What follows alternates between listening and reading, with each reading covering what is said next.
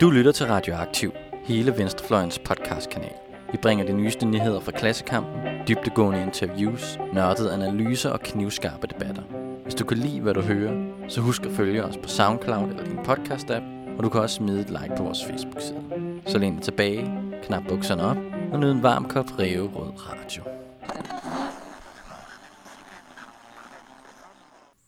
Velkommen til Udbrud. I dag der skal vi snakke om Venezuela, og min gæst er Andreas Bylov. Ja, hej. Og Andreas, kan du ikke begynde med at fortælle om, hvem du er? Jamen, jeg hedder Andreas, og øh, jeg er øh, gift med en øh, venezuelansk kvinde. Øhm, og derudover så har jeg selv øh, boet før i, øh, i Venezuela i, øh, i nullerne under Chavez. Øhm, og har også skrevet en bog om, om Venezuela, der hedder Den Venezuelanske Revolution. Og øhm, så er jeg øh, medlem af enhedslisten også, og af Hands Off Venezuela, som er en, en forening, der arbejder med Venezuela.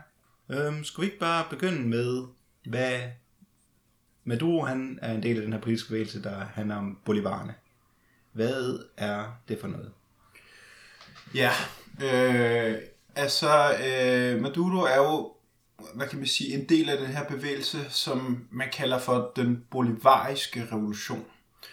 Og øh, det refererer ikke, som nogen nogle gange kommer til at tro, til, til Bolivia eller noget som helst. Det refererer til Simon Bolivar.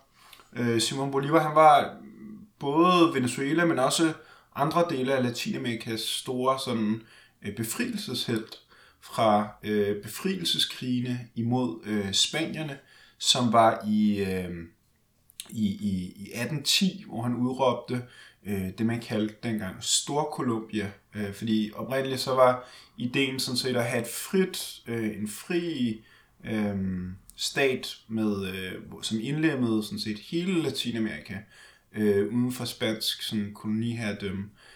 Øh, men senere, øh, da Bolivar var øh, i sin sidste etape af hans liv, der øh, var der nogle generaler inde i hæren, som gjorde oprør mod ham. Og det gjorde så, at, at faktisk øh, Colombia og, og Venezuela og nogle andre lande blev brudt op. Øh, det her store Colombia, som han havde før, det blev brudt op i forskellige små. Øh, men, men fra den bevægelse, der har Chavez først, Hugo Chavez, som jo døde i 2013, men som var præsident fra, øh, blev valgt i 1998, og øh, døde i 2013, øh, og var præsident i hele den periode fra 98 til 2013. Og så senere Nicolas Maduro, som er øh, ham, som sidder ved magten i dag. Øh, han øh, blev valgt til præsident i 2013 og sidder så ved magten i dag.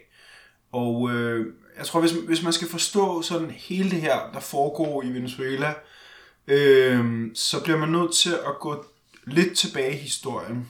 Øh, konkret tilbage til øh, situationen i Venezuela i 1980'erne. Øh, i 1970'erne, det vil sige året før 80'erne, der var Venezuela faktisk inde i et meget stort økonomisk opsving. Øh, Venezuela er jo et land, som hvor den primære indtægtskilde, det er olie. Øh, og øh, det kommer selvfølgelig igennem eksporten af olie, og øh, i 1970'erne, der var der jo den her såkaldte oliekrise øh, i 1973-74, den øh, gjorde så, at priserne på olie var meget, meget høje på verdensmarkedet. Øhm, og det gjorde så, at øh, hvad det hedder, øh, og olie var meget eftertragtet. Og det gjorde så, at i Venezuela var der sådan set en meget stærk opgangsperiode øh, i 1970'erne. Øh, men den blev afløst i 1980'erne af en meget hård krise også. Øh, den er ikke helt lige så hård som den krise, Venezuela gennemgår lige nu, men det var også meget hård krise, og den har på mange måder nogle, nogle, nogle træk, som ligner lidt øh, den, her, øh, den her krise. Hvem var det, der var ved magten dengang? Jamen, det var øh, skiftende regeringer, men det var øh, blandt andet en, øh, en mand, som hed Carlos Andrés Pérez, som var øh, blev valgt i 1988. Øh, og Carlos Andrés Pérez, han, var, øh, han blev valgt i 1988, men det var nummer to gang, han var præsident i Venezuela. Han havde også været præsident i 70'erne. Og øh, han blev faktisk valgt, han var fra et socialdemokratisk parti, der hed Action Democrática, Øhm, og øh, i 70'erne første gang han var ved magten, ham her Carlos Andrés Pérez, der var han faktisk øh, sådan, ble- øh, sådan lidt, ført lidt det, man kan kalde en keynesianistisk økonomisk politik.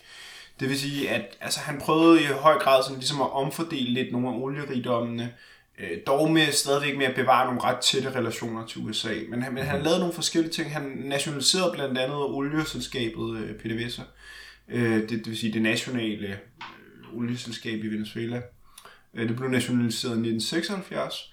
Øh, men selvfølgelig med en nationalisering, der stadigvæk åbnede op for meget udenlandsk øh, kapital, øh, og også for privatisering og udlicitering og sådan nogle ting. Så det var, sige, det var sådan en, en slags delvis nationalisering. Mm-hmm.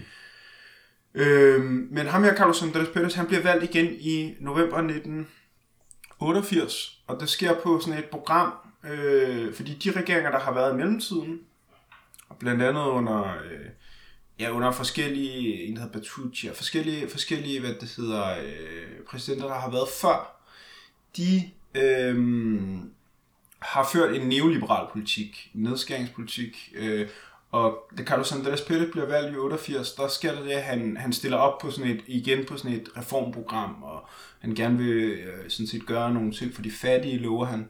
Øh, men så snart han øh, kommer ved magten, tre måneder senere, i øh, januar øh, 1989, der sker der det, at han underskriver en række dekreter øh, om øh, lånepakker fra IMF, øh, den internationale monetære fond, øh, og også laver nogle aftaler med Verdensbanken. Og det skaber så bare øh, blandt andet øh, en situation, hvor han bliver nødt til at hæve priserne på benzin. Det vil sige, at alle øh, transportudgifterne øh, stiger. Og øh, for at gøre en lang historie kort, så sker der der, der kommer et enormt folkeligt oprør i februar 1989. Det går meget, meget hurtigt, den her mm. proces.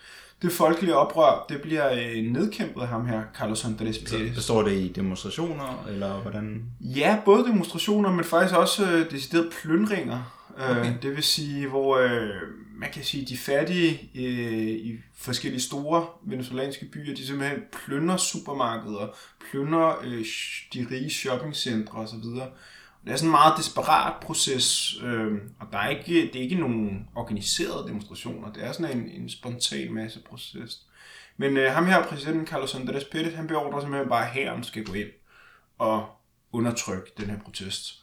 Og, øh, og det skaber det, man i Venezuela kender som El Caracazo, som var en, øh, altså simpelthen en, en nedkæmpelse en opstand, hvor omkring øh, måske et sted mellem 2-3.000 mennesker bliver dræbt. Øh, og øh, på det her tidspunkt, der er der inde i den venezuelanske hær en lang række soldater, men ikke kun soldater, også folk, som er øh, oberstløjtnanter, øh, og folk, der er generaler endda, som er meget, meget utilfredse og meget utrygge med det her med at gå ind og undertrykke øh, befolkningen. Man skal huske på, at Venezuela, i, i modsætning til nogle af de andre lande lidt længere sydpå, for eksempel i Chile, som jo mange på den danske venstrefløj nok mm. vil kunne huske med, med militærkuppet i 1973, og også Argentina i 1976, der havde begge de to lande, de havde nogle øh, herrer, nogle væbnede styrker, som var øh, ekstremt elitære, forstået på den måde,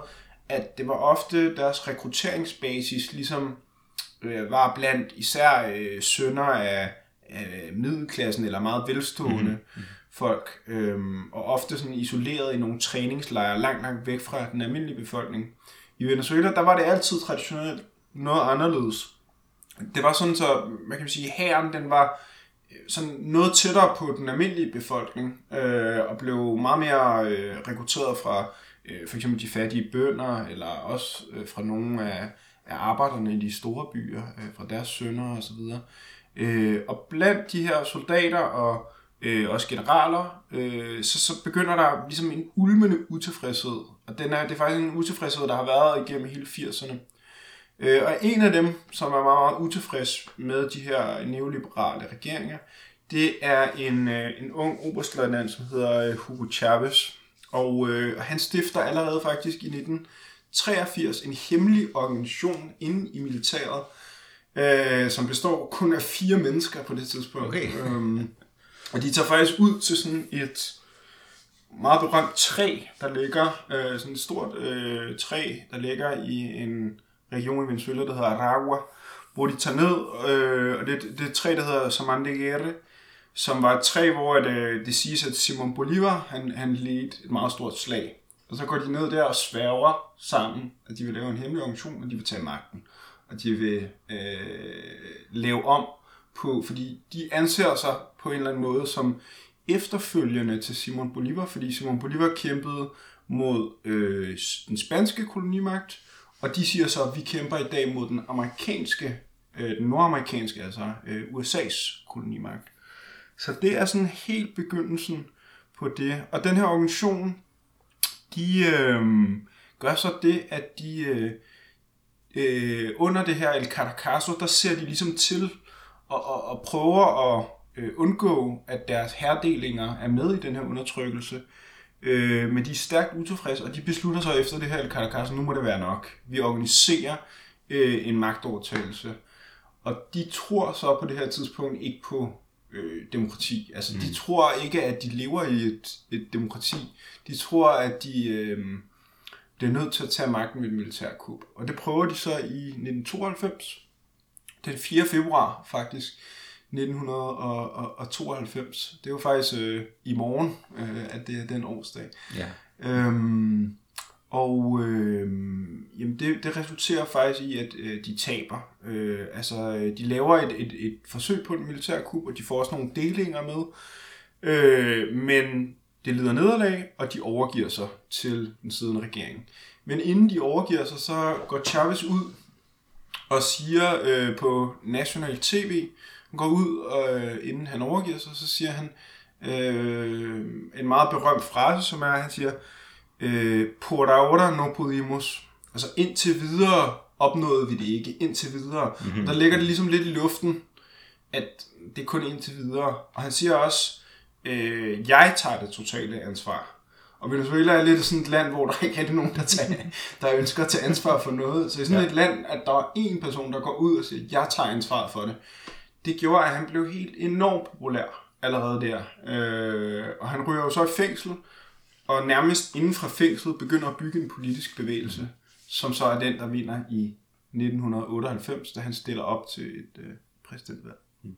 Det er jo øh, den her formulering med indtil videre, øh, noget vi det ikke, det minder om det, det synes jeg kalder den maoistiske formel med, at, det, at revolutionen kommer fra nederlag til nederlag til den store sejr. Ja, øh, jamen det, kan man, det kan man måske godt sige. Det er i hvert fald en, en meget, hvad kan man sige, lidt, lidt sjov, lidt anderledes historie, som, som den bolivariske revolution har på den måde, at øhm, der er måske også meget sådan, i hvert fald i, her i Europa, har vi sådan en opfattelse af, at militæret aldrig nogensinde kan, kan ændre nogen ting, og der må man jo i hvert fald sige, at der har Venezuela i hvert fald vist, at der har været en, nogle andre realiteter. Ikke? Ja. Mm. Øhm, jamen, hvis man, hvis man skal kigge lidt videre på, hvad sker der så efter, at, øh, at, at, at Chavez han kommer til magten i 98? Der, øh, da han kommer til magten, øh, er han ikke som sådan venstreorienteret. Altså, øh, tværtimod, så det han mere vil, det er, altså han også indrømmet det i senere interviews, at han troede meget på sådan noget med, at man skulle bygge sådan en kapitalisme med et humant ansigt, og Øh, men det hans bevægelse meget gik ud på i starten, det var sådan noget med at få en ny grundlov. Mm. Øh, altså han gik op med det samme, da han skulle sværge ed, så sagde han, jeg sværger ed ved den døende grundlov. Øh, og så afholdt han en ny afstemning om at få en ny grundlov. Øh, afstemning i folket eller parlamentet, eller hvor... Øh... Øh, altså, øh, han udskrev for det første altså en folkeafstemning omkring det. Øh, og så fik han jo øh, flertal der, og så lavede han en grundlovgivende forsamling i år øh, 1999 og 2000. Og så i år 2000 blev den så endelig godkendt, mm. den her nye grundlov. Øhm, og øh, så kan man sige, at Chavez begyndte, jeg vil sige særligt fra 2001, begynder han at lave nogle ret store reformer som øh, begynder at angribe særligt USA's interesser. Og det her, mm. sådan ligesom hele det her spil med USA begynder på en eller anden måde. Ja.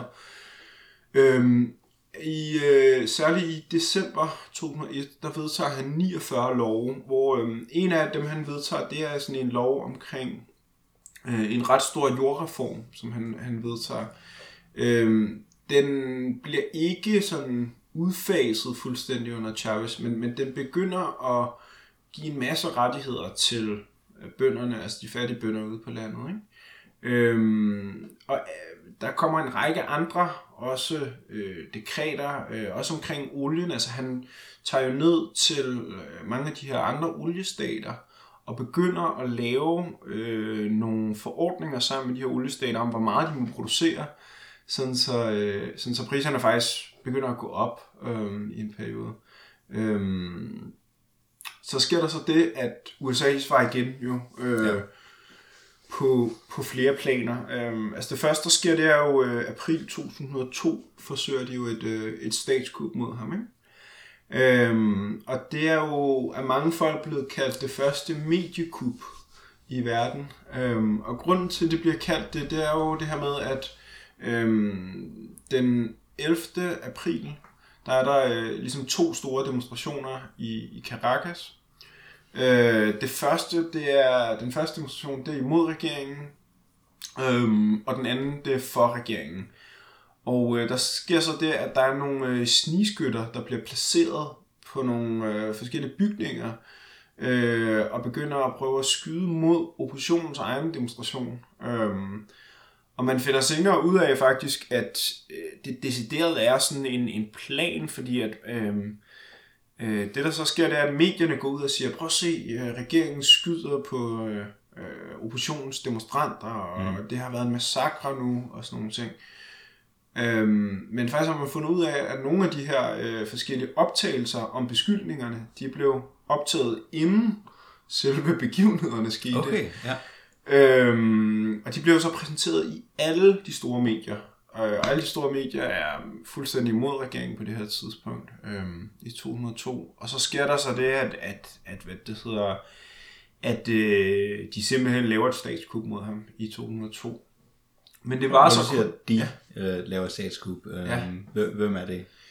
Jamen det er øh, oppositionspolitikerne, øh, som er faktisk sjovt nok, kuriøst nok, mange af dem er person til person de samme mennesker, som dem, der i dag prøver at lave det nye. Ikke? Mm. Øh, altså for eksempel sådan en som Julio Borges, øh, også ham her Leopoldo Lopez, som så er i fængslet, øh, som så kommer fra det samme parti som Guaido faktisk. Okay, øhm, ja. Altså de folk, der senere stifter Guaidos parti, øh, de spiller en meget central rolle i det her kup. Øh, på det her tidspunkt er de så medlem af et andet parti, der hedder øh, Primero Justicia, altså Først Retfærdighed. Senere splitter, øh, splitter de så ud og stifter det, der hedder Voluntar Popular. Men, men det er det samme, altså det er den samme gruppe mennesker, mm. grundlæggende set. Ikke? Og så også med opbakning selvfølgelig fra USA, øh, og også fra Colombia på det her tidspunkt. Øh, Hvilken type opbakning får det? Er det medieopbakning, penge, hvor, altså hvilket mm. niveau taler vi om?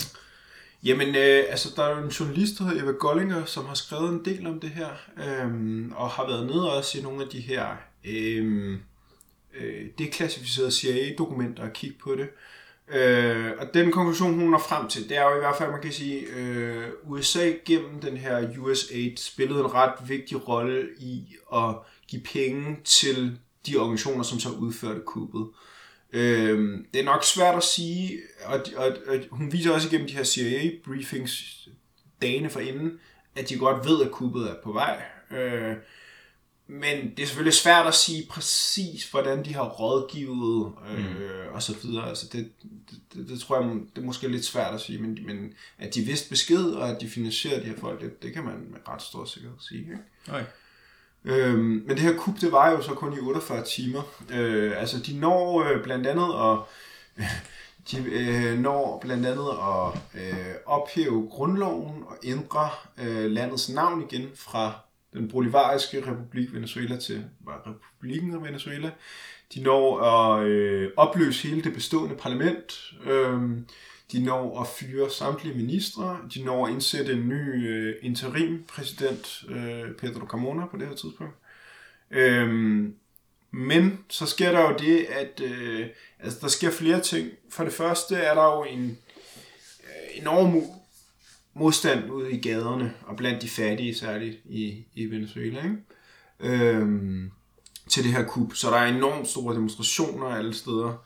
Øhm, og så sker der også det, at øh, de sektorer inde i hæren, som, øh, hvad det hedder, som, som simpelthen er utilfredse med det her kup, de får overtaget igen. Øhm, og så øh, flyver de simpelthen bare Chavez tilbage igen, og så kommer han tilbage til magten. Ja. Øhm, den, den 14. april, øh, 13. og 14. april 19, øh, 202 selvfølgelig. Så, øhm, og efter det, jamen efter det, så sker der jo en, øh, en række ting også. Øhm, efter det forsøger Chavez at prøve at lave dialog faktisk med, øh, med oppositionen, og prøve at lave nogle, øh, sådan nogle dialogmøder. Øh, øhm, men øh, højrefløjen, de bruger sådan meget deres tid på at forberede ligesom, deres næste træk, og det bliver så i december 2002, det vil sige, hvad, 8 måneder efter, øhm, hvor at de øh, laver en enorm arbejdsgiver-lockout. Det vil sige, at øh, de lukker øh, mere eller mindre hele Venezuelas øh, olieselskab PDVSA ned øh, i øh, øh, over øh, halvanden måned. Ikke? Øhm, og den eneste måde, det ligesom øh, ikke lykkes, altså den her olielockout er rigtig dyr for Venezuela. Ikke? Altså mm. Venezuela producerede på det her tidspunkt øh, vel omkring de 2 millioner tønder olie om dagen. Ikke? Øh, I dag er det noget lavere, det kommer vi ind på senere, men i hvert fald så er det meget, meget dyrt for Venezuela, hvis, hvis den her olie ikke bliver, øh, ikke bliver eksporteret. Øh, men det der sker faktisk, det er, at øh, en række steder, øh, der øh, sker der det, at faktisk at, at medarbejderne øh, på den her enorme øh, øh, olieselskab, de faktisk øh, går ind og overtager kontrollen med produktionen. Øh, og det sker både i stedet her Puerto La Cruz, det sker også i øh, hvad det hedder, i, øh, tæt på Maracaibo i, i Zulia-delstaten. Øh, der er også andre eksempler, altså for eksempel på øh, aluminiumsfabrikkerne i Guayana. Øh, og der er, sådan, der, er en, der er en ret stor bevægelse på det her tidspunkt for arbejderkontrol. Øh, og de går simpelthen ind og hjælper regeringen og undgår den her katastrofe. Og så må man jo, på det her tidspunkt står regeringen jo også i en situation, hvor de bliver nødt til at improvisere rigtig meget, altså udnævne nye ingeniører, udnævne ja. nye folk, fordi at det er en, en gigantisk kvantitet af de her øh, oppositionsfolk, der sidder inde i olieselskabet på det her tidspunkt. Og Chavez han går faktisk ud på offentlig tv på det her tidspunkt med en, øh, en liste over alle de folk, som øh, modarbejder ham, og så siger, læser han dem op, og efter hvert navn, så siger han bare fyret, fyret, fyret, fyret. Um, man kan sige, hvad med, men han forstår sig på medier. Ja, altså absolut. Um, det, det, det, det er der slet ikke nogen tvivl om. Um, efter det kommer der en lang periode, øh, hvor at, at der er noget mere roligt i Venezuela. Uh, og jeg kommer selv til Venezuela første gang i, i 2005, Øhm, og øh, i, i hele den her lange periode øh, fra 2003, mere eller mindre vil jeg sige op til 2011, der øh, sker der flere ting. Altså for det første vinder Chavez jo en lang række demokratiske valg, øh, mm. og valg som endda har observationen fra, øh, fra hvad det hedder, fra øh, USA, altså øh, fra øh, Jimmy Carter for eksempel. Øh, og, og oppositionen er ekstremt marginaliseret rigtig mange år. Øhm, der sker selvfølgelig også det, at, at Chavez er lidt heldig, kan man sige. Øh, forstået på den måde, at øh, oliepriserne er jo bare meget, meget høje og meget, meget gunstige ja. i modsætning til i dag. Øhm, og det vil sige, at der er rigtig meget rigdom, som du kan omfordele. Øhm, og det betyder så også, at øhm, øh, der sker rigtig mange sociale fremskridt på det her tidspunkt i Venezuela. Altså, der bliver åbnet for eksempel de sociale missioner, øh, som er øh, uddannelsesprojekter, hvor at, øh, øh, de fattige kan tage øh, folkeskole, de kan lære at læse og skrive. Øh, ifølge UNESCO alene, så bliver, så bliver øh, altså FN's øh, mm. uddannelsesorganisation, så bliver det jo øh, på det her tidspunkt, så bliver analfabetismen faktisk afskaffet i Venezuela. Ikke? Ja. Øhm, der sker også det, at øh, Venezuela laver en aftale med Cuba om, at øh, i stedet mellem 10 og 15.000 kubanske læger, de bliver øh, øh, ansat til at tage ud i øh, forskellige slumkvarterer i Venezuela, ikke? Øh, igennem et, et, et andet program, der hedder Barrio, Barrio Adentro, altså, som ja, oversat til dansk, tror jeg, vil man kalde det ind i, ind i slumkvarteret, ja. eller noget af den stil. Mens vi er ved Cuba, er det ikke også sådan, at Venezuela sender, jeg kan ikke huske, hvor mange millioner tønder øh, olie til Cuba eller sådan noget hvert år?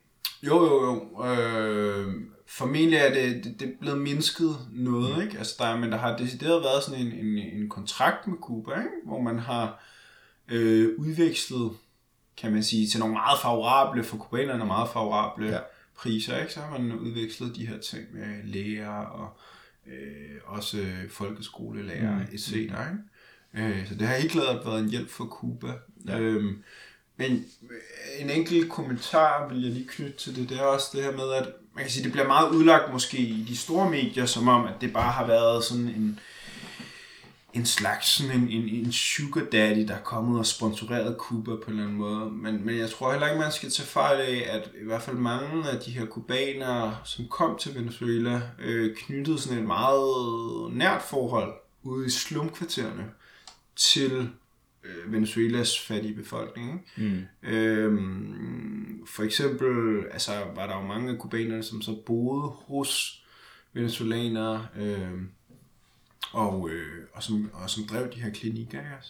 Så, så det har helt klart knyttet nogle bånd på den måde. Ikke? Øhm, Ja, øh, så, så, så i den her periode var der sådan set rimelig, rimelig stor fremvækst, men det var også meget kendetegnet, at Øh, det, som regeringen ligesom gjorde, det var primært sådan en slags omfordeling af olierigdommene. Men det var ikke, øh, kan man sige, nogle angreb som sådan på, øh, hvad kan vi sige, de økonomiske magtforhold ja. i landet. Altså, øh, det var fortsat sådan, så øh, nu taler de jo meget i medierne om, at det, Venezuela er socialistisk, og mm-hmm øh, det er socialismen, der har slået fejl også, og så videre. Øh, der må man jo bare sige, hvis man kigger på øh, sådan noget som BNP for eksempel, altså tallene for BNP, så øh, udgøres øh, fortsat den der i dag øh, flertallet, altså øh, størstedelen af BNP, over halvdelen, den der, det udgøres af den private sektor. Ikke? Ja, det seneste tal, jeg kunne finde, det var mm. i 2011, mm. der var 71% af den økonomiske aktivitet fra den private sektor. Ja, præcis.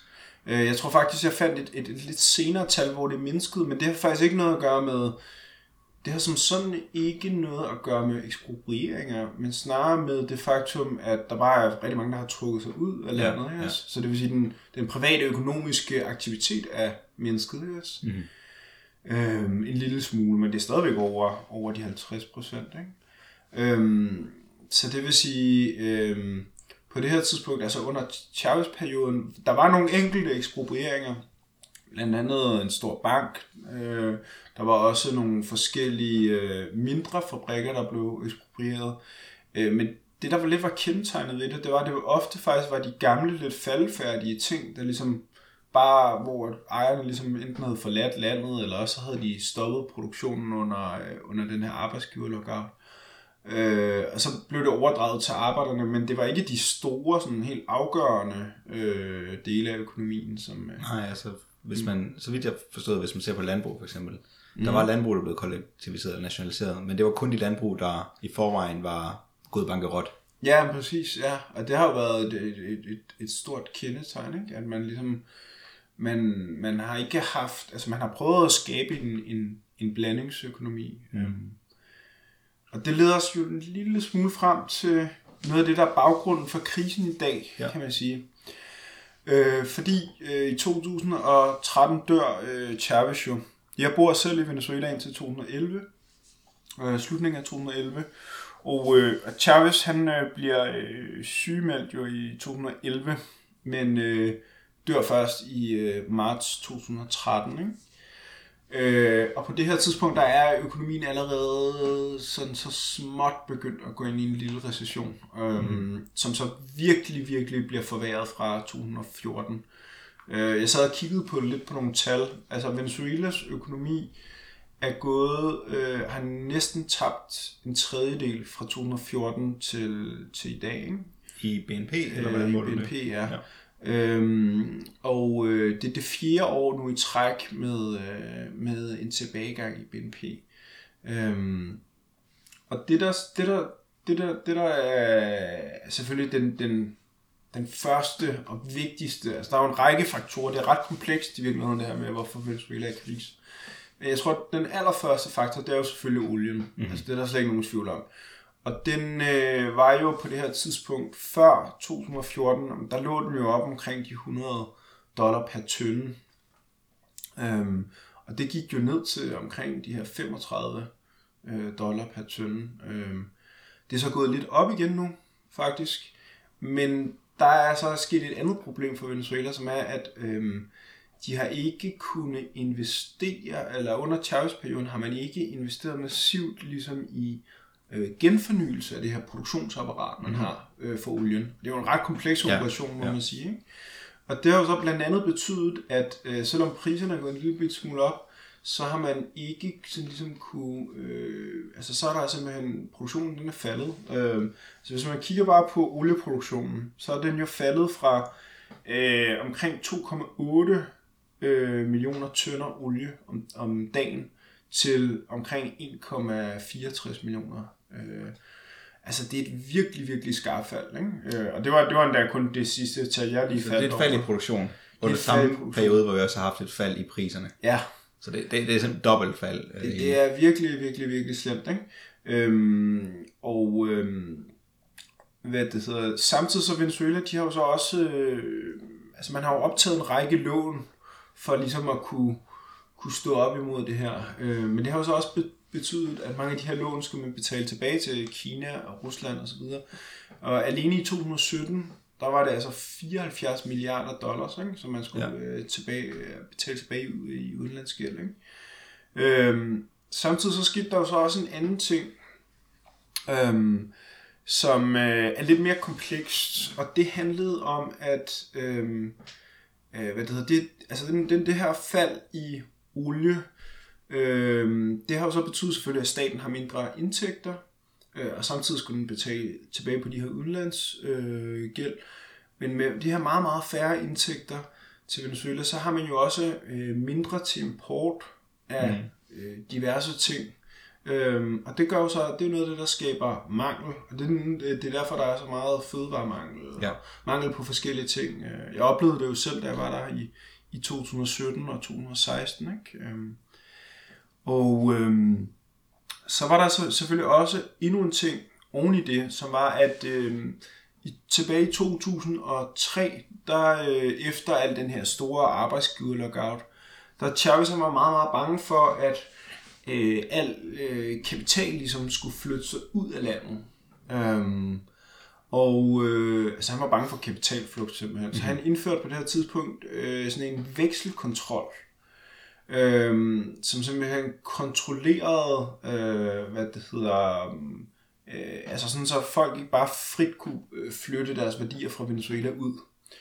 Øh, og til at starte med, i en lang periode, der fungerede den vekselkontrol nogenlunde.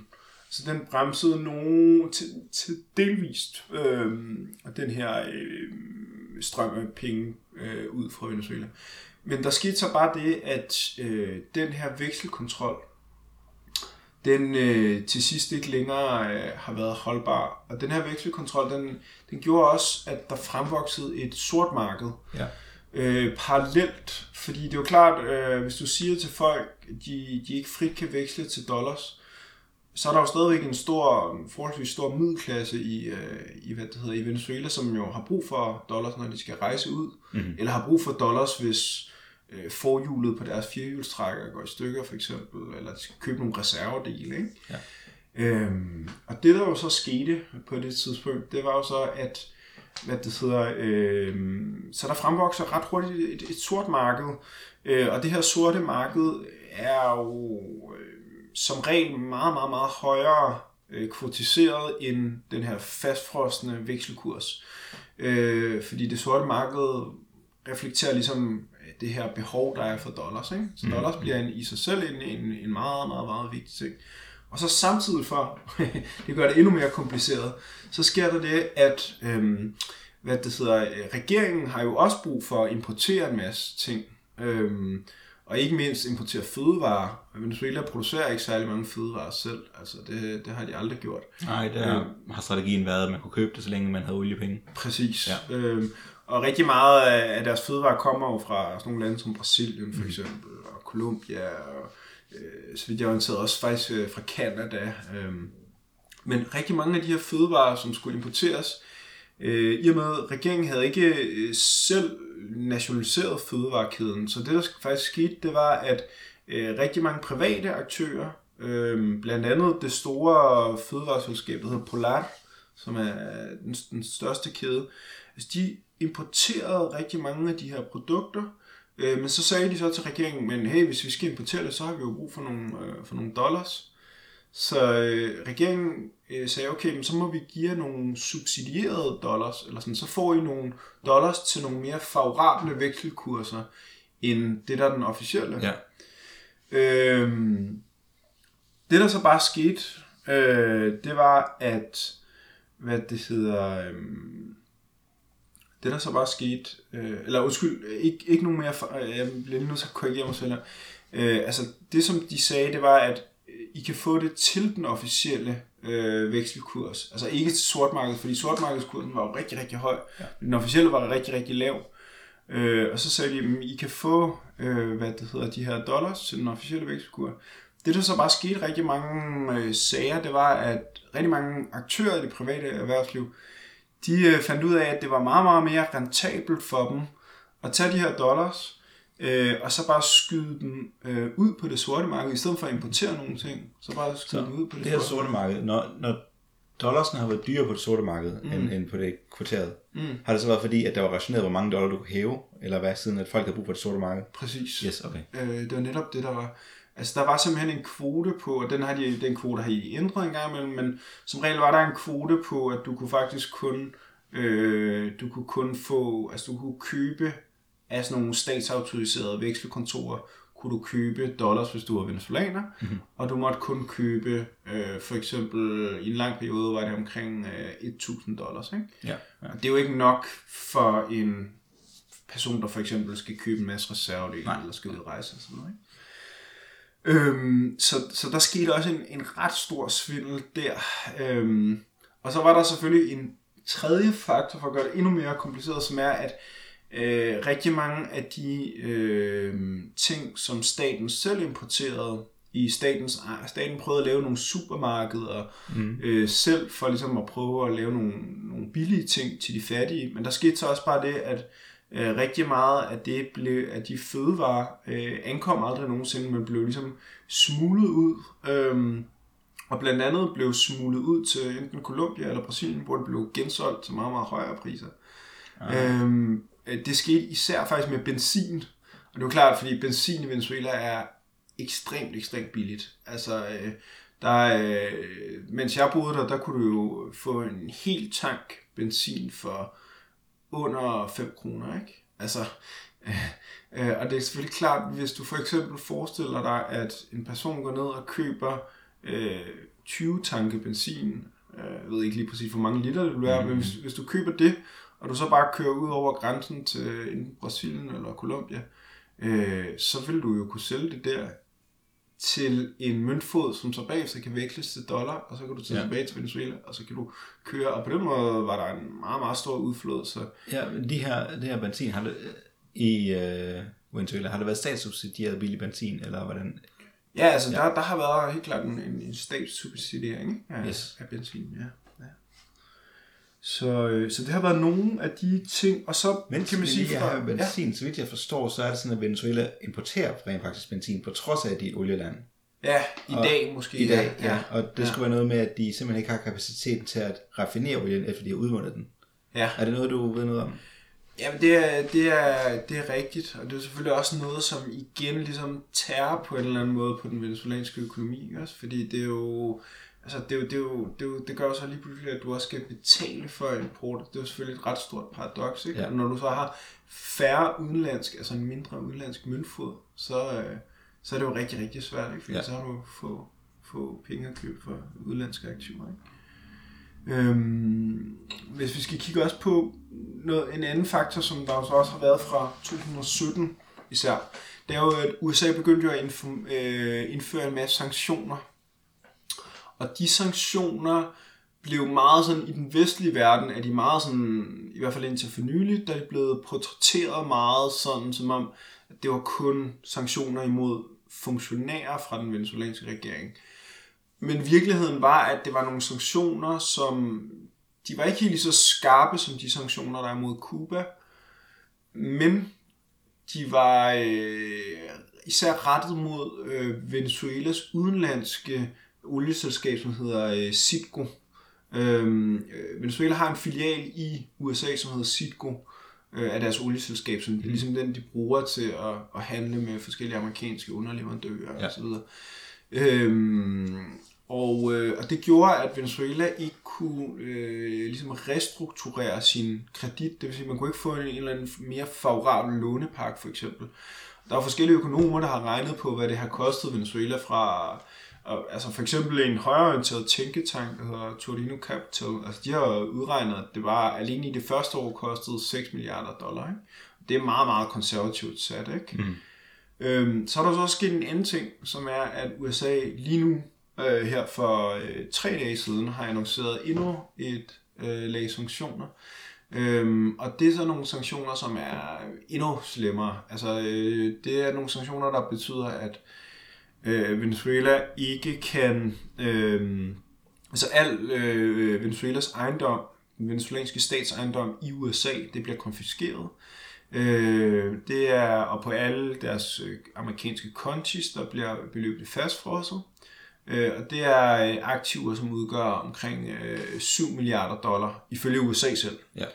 Øh, så har de også indført det, der i praksis er en form for olieembargo. Øhm, og det betyder, øh, ifølge ham her, John Bolton fra USA, øh, så betyder det jo, at øh, Venezuela kommer til at tabe omkring øh, 11 milliarder dollar. Ikke? Det vil sige, der har du allerede der øh, 18 milliarder. Og så ud over det, for lige at gøre det endnu slemmere, så har øh, USA øh, ifølge øh, journalister fra Bloomberg, der har USA øh, lavet lobbyarbejde hos øh, Bank of England, hvor at øh, Venezuelas guldreserver lå. og det var så til en værdi af 1,2 milliarder dollars. Øh, så det skal man så også summere, så vi er næsten op omkring de 20 milliarder dollar. Og det er, altså, det er nogle, det er nogle virkelig, virkelig mm. høje øh, beløber, øh, selv for den venezuelanske stat, som selvfølgelig nok har et lidt andet budget end, end for eksempel den danske stat, som er mindre. Ikke? Men, ja. men, men det er virkelig, virkelig, virkelig mange penge, vi taler Hvad var det, du nævnte, sagde tidligere? Gælden var 72 milliarder eller sådan noget? Ja, altså det er jo det, de har betalt tilbage bare på gælden. Nå, det er det, de betalt tilbage på gælden, okay. I, i, ja. øh, i 2017. Ikke? Okay, ja. Altså alene til for eksempel til Kina, der øh, skylder den venezuelanske stat jo omkring 50 milliarder dollar. Ikke? Ja. Så alene, ikke? Øh, til Rusland noget mindre, men, men også sted mellem de 20 og 30 milliarder dollar. Ja. Så det er, altså det er en, en rigtig, rigtig svær økonomisk situation. Mm. Før vi fortsætter til det politiske situation endnu, øh, hvis vi lige bliver her ved den økonomiske krise, øh, så du vil, karakter, vil du karakterisere den mest som en øh, kapitalistisk krise, eller en socialistisk krise, eller en sådan, øh, hvad, altså, hvad, hvilken type af økonomisk krise er det? Sådan, hvad, hvad er den underliggende årsag, eller hvad man skal sige? Ja. Fordi at for eksempel ja, andre ja. olienationer som Norge mm. har ikke samme krise. Så nej, det er jo ikke kun nej. at sige olie, lave oliepriser. Det kan være håndteringen af lave oliepriser. Absolut ikke. Jamen helt, helt enig. Altså det er, øh, det er delvis håndteringen af den. Øhm, så er det også, har det også noget at gøre med, øh, hvad kan man sige, og en, en tredje faktor, som jeg faktisk ikke lige var inde på, det er jo selvfølgelig også, som, som så øger hyperinflationen i Venezuela, eller har gjort i virkeligheden. Mm-hmm. Det, der har gjort, at Venezuela er gået fra, hvad kan man sige, måske to-cifret inflation til det, der er i dag, eller tre eller fire cifrede inflation. Ja. Det vil sige, fra inflation til hyperinflation, det er jo, at et af regeringens svar, det har været at trykke flere pengesedler. Det vil sige, at du trykker inorganiske penge, og hvis mm. du trykker inorganiske penge, altså, så, er det, så er det selvfølgelig klart, så kan du ikke, øh, så kan du ikke, øh, altså så, øh, så hjælper du inflationen helt ja. ekstremt meget. Altså, fordi så har de ikke nogen basis i den virkelige økonomi. Øhm, så jamen, det er der i høj grad noget at gøre med, at øh, olierigdommen ikke er blevet administreret korrekt, kan man sige. Og der, hvor jeg tror, det særligt er gået galt, det er jo, at i den periode under Chavez, øh, der skete der jo den her omfordeling, den her lidt, kan man, man kan godt kalde det keynesianistiske øh, politik, også med at sætte gang i meget store øh, øh, arbejder. Altså, mm. det var også en del af det. For eksempel blev der bygget tre nye metrolinjer, alene mm. mens jeg boede der i Caracas. Øh, det kunne selvfølgelig være fornuftigt nok til en vis grad, men problemet er, hvis ikke du diversificerer en økonomi noget mere, øh, og hvis ikke du industrialiserer ja. øh, og, ikke, og begynder at producere nogle flere ting, sådan, så du kan mindske importen lidt mere, så, så er det svært. Men, men det er selvfølgelig meget svært også at gøre på et kapitalistisk basis på en eller anden måde, som, som de lidt har forsøgt, fordi øh, problemet er, at de har, de har håbet meget på, ligesom, at den private sektor ville spille sammen med dem, mm-hmm. og de kunne lave en eller anden form for blandingsøkonomi. Og der må man altså bare konstatere, at den private sektor ikke rigtig være interesseret i. Ja, jeg læste øh, en af redaktørerne fra New Left Review, Daniel Finn, han havde et indlæg for nogle år tilbage i uh, Jacobin Magazine, mm. hvor han, uh, hvis man skal opsummere hans artikel omkring krisen i Venezuela, så er det, at bolivarerne gik for langt i forhold til at blive allieret med kapitalisterne, men det gik ikke langt nok i forhold til at få en socialistisk, uh, hvad skal man sige, socialistisk reform af, hvordan økonomien egentlig fungerer. Og den her mellemstadie, hvor de ikke kunne få alliance nogen steder, og ikke kunne få kontrol nok samtidig, øh, har gjort, at de simpelthen ikke har været stand til at håndtere øh, de lave oliepriser. Ja, men det er, det er jeg faktisk ret enig i. Øh, det, det er, ja. Godt. Det var jo så det økonom, øh, historie og økonomi. Og øh, så tror jeg, vi er godt udrustet til at øh, forstå den politiske situation, der så er nu. Ja. Så i januar, der erklærede øh, Guaido, som er hvad han formand for Nationalforsamlingen, han erklærer sig selv præsident. Ja. Øh, hvilket samme dag så blev øh, støttet af for eksempel Trump. Ja. Og jeg kan huske, det samme dag, men i hvert fald kort tid efter, også blev støttet af for eksempel den danske udenrigsminister. Ja. Øh, og en række andre øh, sydamerikanske lande øh, med højorienteret regering, for eksempel Bolsonaro i, i Brasilien. Mm. Øhm, kan du forklare noget omkring øh, det her opløb? Ja, øhm, jamen det her det er et, et, et, selvfølgelig et statskup, som er planlagt øhm, primært fra USA faktisk. Øhm, det har været et stykke tid undervejs. Øhm, altså der er både journalister fra øh, Wall Street Journal for eksempel, øh, men også fra øh, ja, både fra Wall Street Journal og fra New York Times, fra den spanske avis El País, øh, fra andre medier, som har øh, undersøgt øh, med forskellige kilder inde i det hvide hus også. Og det her det er noget, der er blevet planlagt altså i to-tre måneder. Ikke? Øh, at man har planlagt at prøve at lave et, et statskup, øh, hvor man har det, man kunne kalde en legalistisk sådan facade. Mm. Fordi man, man, det, man prøver at sige, det er, at... øhm, at øhm, man ikke anerkender det valg, øh, præsidentvalg, der var i Venezuela i maj 2018, Øh, og derfor så siger man, at der ikke er nogen præsident. Øh, og så er der en øh, paragraf i den venezuelanske grundlov, som hedder paragraf 233, som så siger, at øh, i det tilfælde, at der er en permanent fravær øh, fra øh, hvad det hedder, den venezuelanske præsident, hvis der er et permanent fravær, så øh, tilfalder øhm, præsidentembedet faktisk øh, vicepræsidenten, og i, hvis der heller ikke er nogen vicepræsident, så er det så formanden for Nationalforsamlingen. Mm-hmm. Øhm, og Nationalforsamlingen øh, blev i 2015 øh, vundet af oppositionen, eller flertallet øh, blev vundet. Øh, de vandt det valg øh, Øh, rimelig stort. Øhm, men Maduro, han, og, og, og senere så har de jo forsøgt oppositionen jo også en, en ret hård opstand i 2017 øh, særligt, hvor jeg var derovre selv øh, og oplevede den voldstand, som var meget, meget, meget voldelig. Øhm, og øh, altså som var så voldelig, så for eksempel du havde nogle tilfælde, hvor oppositionsaktivister altså brændte øh, Chavez støtter direkte op ude på gaden, øh, så hældte benzin over dem og ja. brændte dem op. Og der var sådan meget sådan en, det man kunne kalde måske en antikommunistisk sådan lynch-stemning blandt mm-hmm. de oppositionsfolk. Øhm, men der led de nederlag i 2017 øh, til sidst. Og, øh, og de her protester gik ligesom i sig selv igen. Øhm, og, men den her gang, der har de forsøgt igen. Og det der nok er lidt forskellen på den her gang og sidste gang, det er, at inde i Venezuela, der øh, har der været nogle demonstrationer for oppositionen. Altså så sent som i går var der en oppositionsdemonstration med måske omkring 200-300.000 mennesker. Det er lidt svært at sige. Ja. Men der var bare også en, en, en, en pro-chavista, pro-regeringsdemonstration, som måske også var 200-300.000 mennesker cirka. Ja. Eller sådan. Så de så umiddelbart lige store ud. Altså jeg kender de to avenider, hvor de gik, og det var, det var store demonstrationer begge to.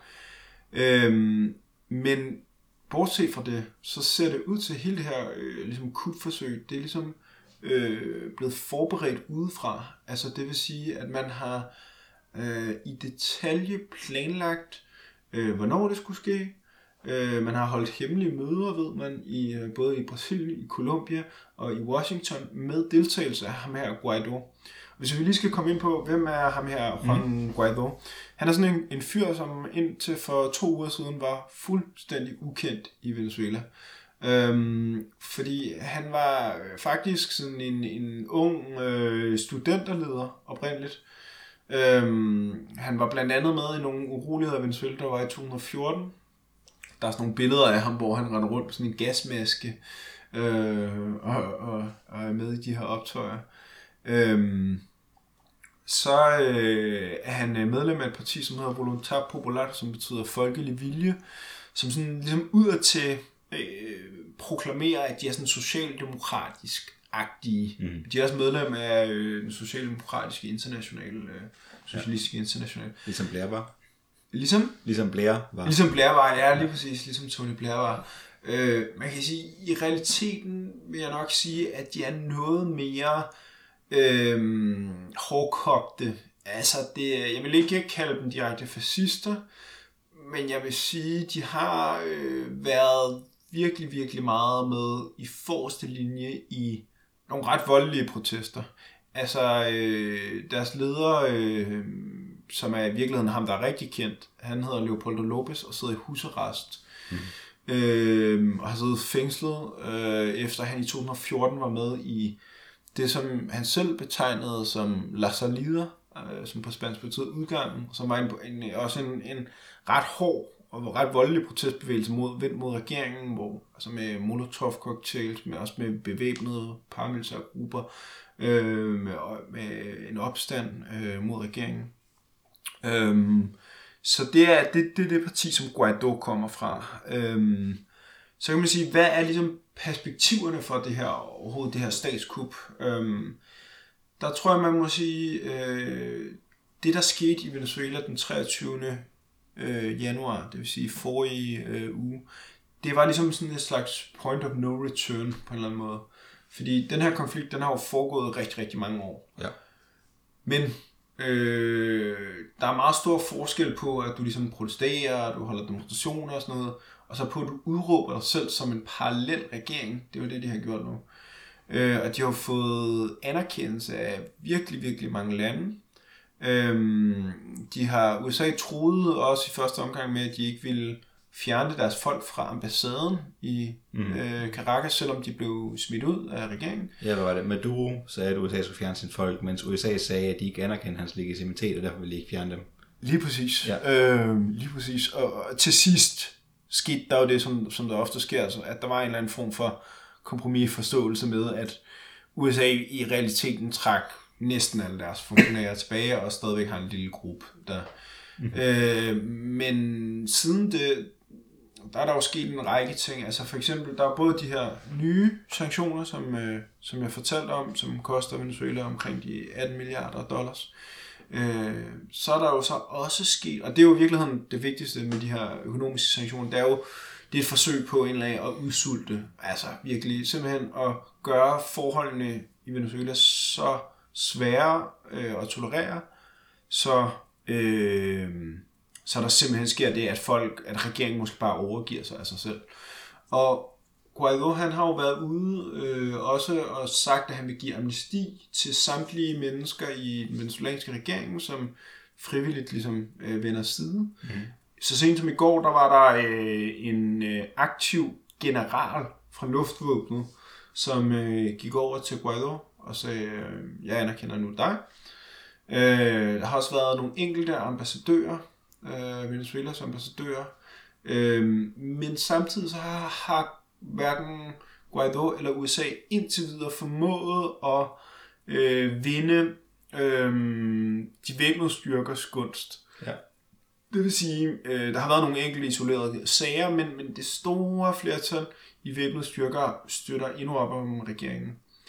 Øhm, så er der selvfølgelig også en anden realitet, som er, at øh, både Rusland og Kina er imod en intervention, og de er, imod, de er imod, både imod et kup, men de er også imod, at USA militært skulle gå ind i Venezuela. Ikke? Ja.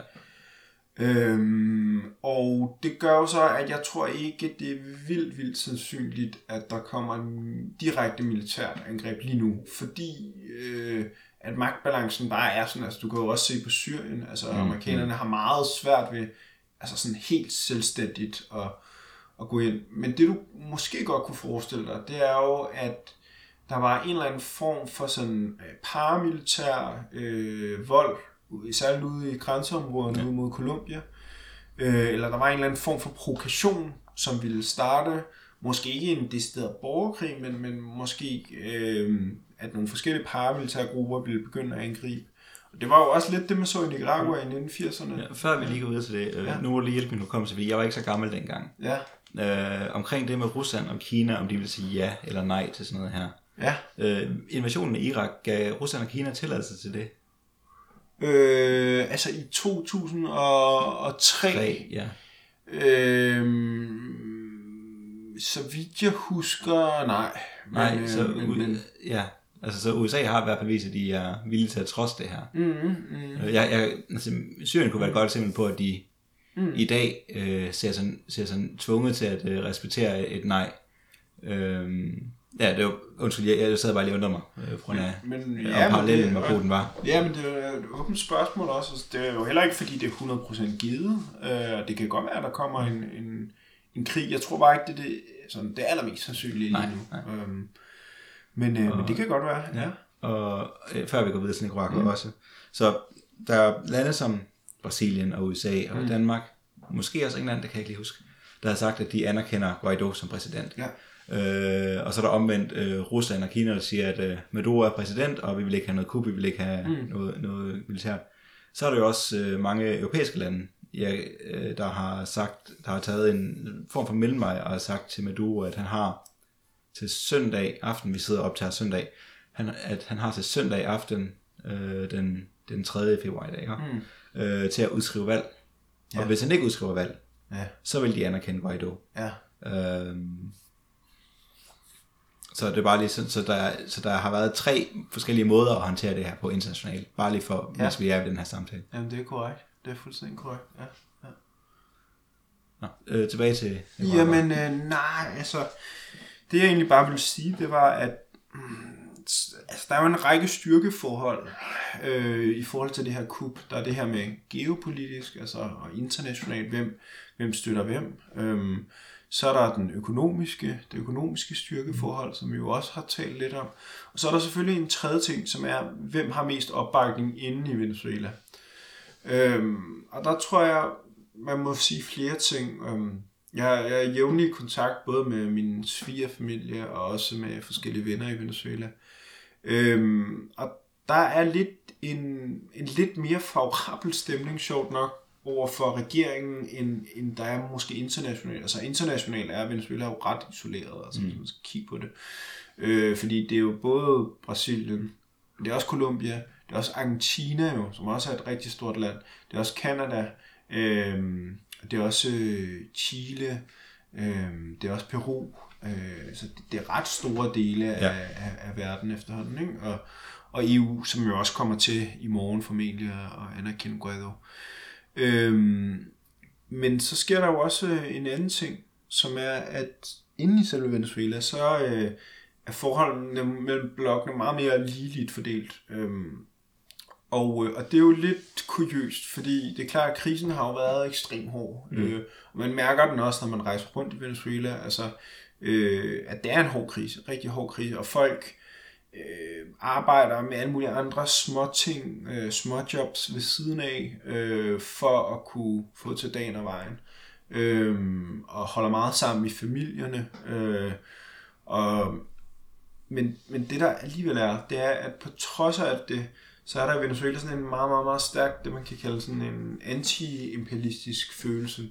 Altså med, at USA bare ikke skal komme og blande sig i, hvad Venezuela gør. Mm. Øhm, og der er meget kritik af Maduro-regeringen i Venezuela, men der er også øhm, stadigvæk, på trods af alle dens fejl, på trods af alle de ting, den har gjort, så er der øh, stadigvæk i hvert fald en 2-3 millioner mennesker øh, i Venezuelas befolkning, som, som er sådan en, hvad kan man sige, hård kerne, der støtter op om regeringen stadigvæk. Oppositionen har så omvendt måske 2 millioner deromkring, eller sådan. Så spørgsmålet er også i høj grad, hvem er ligesom i stand til at mobilisere sine sin, sin støtter til at aktivt at gå på gaden og sådan nogle ting. Øhm, så det er selvfølgelig en, det, det er en åben kamp stadigvæk ligesom mellem de, de her forskellige blokke. Ikke? Ja. Så ham her, Guaido, han har også øh, udlagt en øh, plan for et overgangsprogram. Ja. Øh, der er blandt andet involveret økonomiske reformer. Ja. Hvad indebærer de?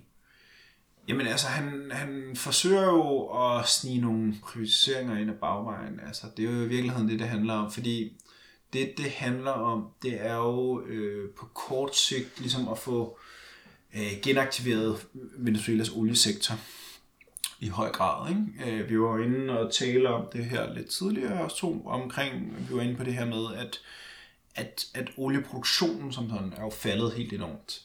Øh, og det som øh, Guaido jo rigtig gerne vil, det er jo i virkeligheden at øh, få nogle lån til, at man kan renovere en masse ting, Øh, men de lån vil jo så komme med en pris, og ja. det vil jo være med den pris, at særligt amerikansk kapital skal ind igen i Venezuelas oliesektor.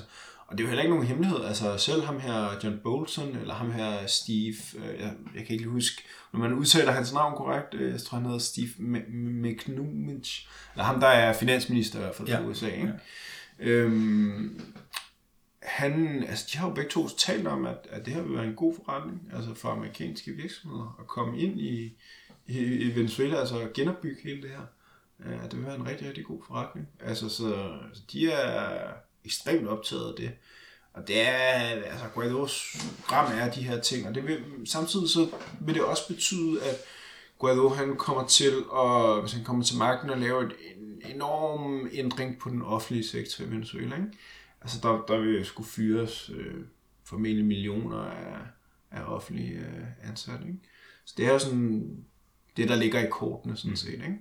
Øh, også selvom øh, Guaido på det pressemøde, hvor han fremlagde den her plan, har han ligesom forsøgt at dyse det her med privatisering en lille bitte smule ned. Fordi han godt ved, at det ikke er mega populært i Venezuela. Ikke? Så han, han forsøger ligesom lidt at få det ind gennem bagvejen. Ikke? Yes. Så jeg har fulgt, øh, når man følger debatten, for eksempel så i fredags i Deadline, der var ja. Niels Vest, inde i Deadline og diskutere med Pelle Dragsted. Ja.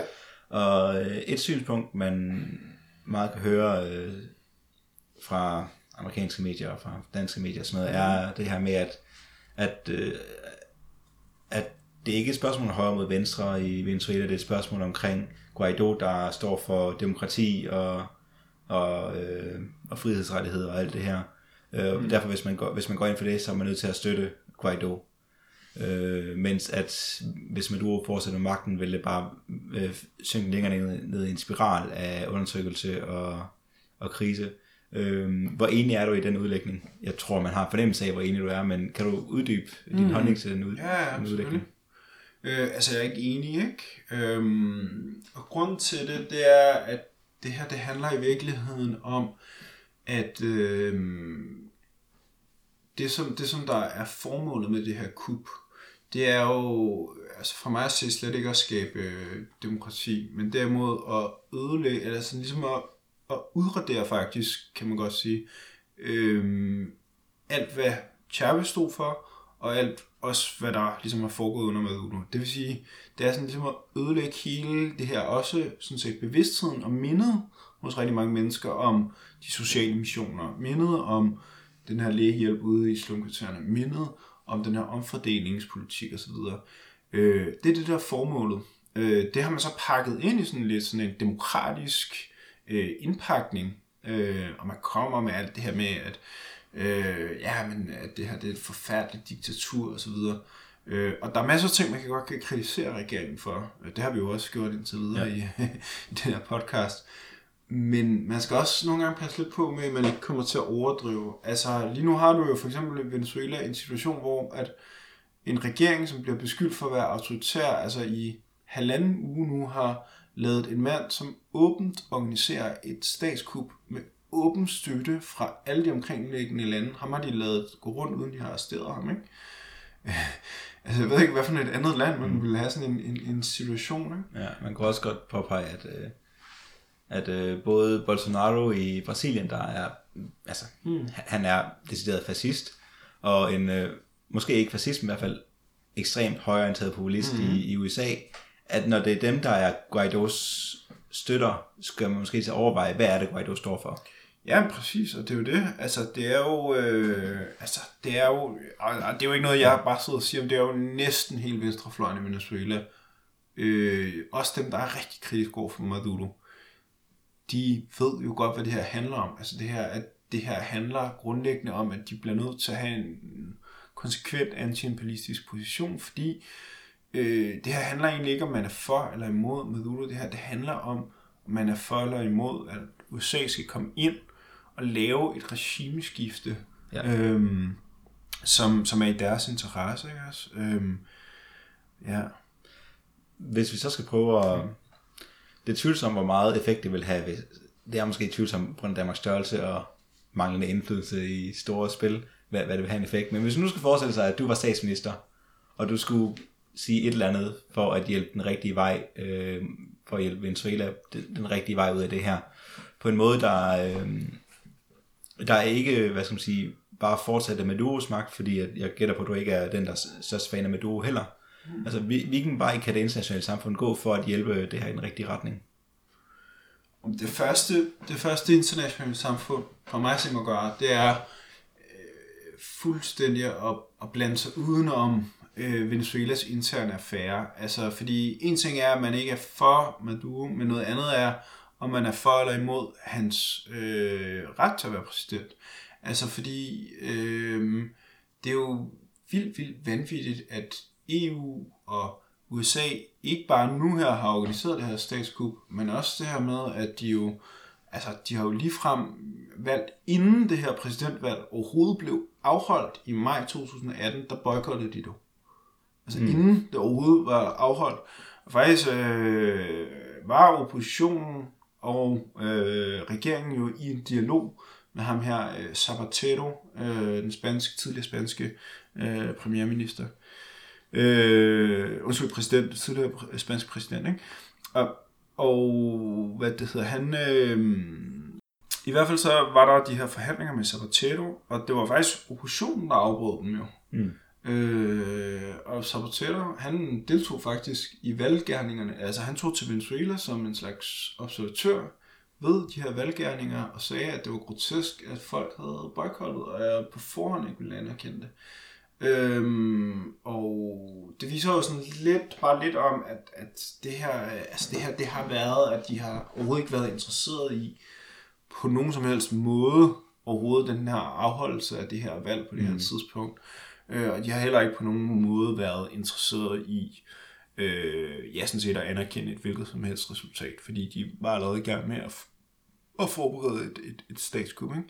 Så hvis jeg var, tilbage til dit spørgsmål, hvis jeg var øh, fra det internationale samfund, så ville jeg først og fremmest presse på for en ikke-indblandings øh, politik. Altså det ville næsten være det første. Og nummer to, så vil jeg så også nok også, jeg kan sige, øh, så vil jeg i hvert fald opfordre til, at der blandt græsrødderne i Venezuela ligesom er en eller anden form for diskussion om, hvad er det for nogle fejl, der er blevet begået under Maduro. Øh, at der endnu en gang ligesom bliver dannet, hvad kan man sige, grupper. Øh, det kan være blandt bønder, det kan være blandt øh, arbejdere, det kan være blandt de fattige inde i byerne, for at diskutere og for også at aktionere, altså for selvstændigt at overtage initiativet igen. Men problemet er jo, at regeringen i høj grad ligesom er blevet byråkratiseret Ja. og har fjernet sig på en eller anden måde fra sin egen basis, altså fra, fra, fra dem, som de skulle, skulle repræsentere. Ikke? Så, så ja, øh, men det er selvfølgelig igen venezolanernes egen beslutning, altså et eller andet sted om, om hvordan de, de gør det. Ikke? Nå, men så vil jeg, jeg sige tusind tak for, at du vil øh, dele din viden med os. Øh, så Jamen, det var ja. så lidt, og øh, held og lykke ellers med podcasten tak. Og hvis man er interesseret i at lære mere om det her, så har Gode Penge også lavet en podcast omkring Venezuela, hvor de har Nicholas øh, Buhmann Holmes inde, hvor de fokuserer på det, blandt andet på inflation og sådan noget i det, der skete i Venezuela. Og ellers har Eftertryk også en spændende artikel af Lasse Skov Lindstad, hvor han øh, stiller spørgsmål omkring skyldes, øh, skyldes Venezuelas krise socialisme. Ha' det godt.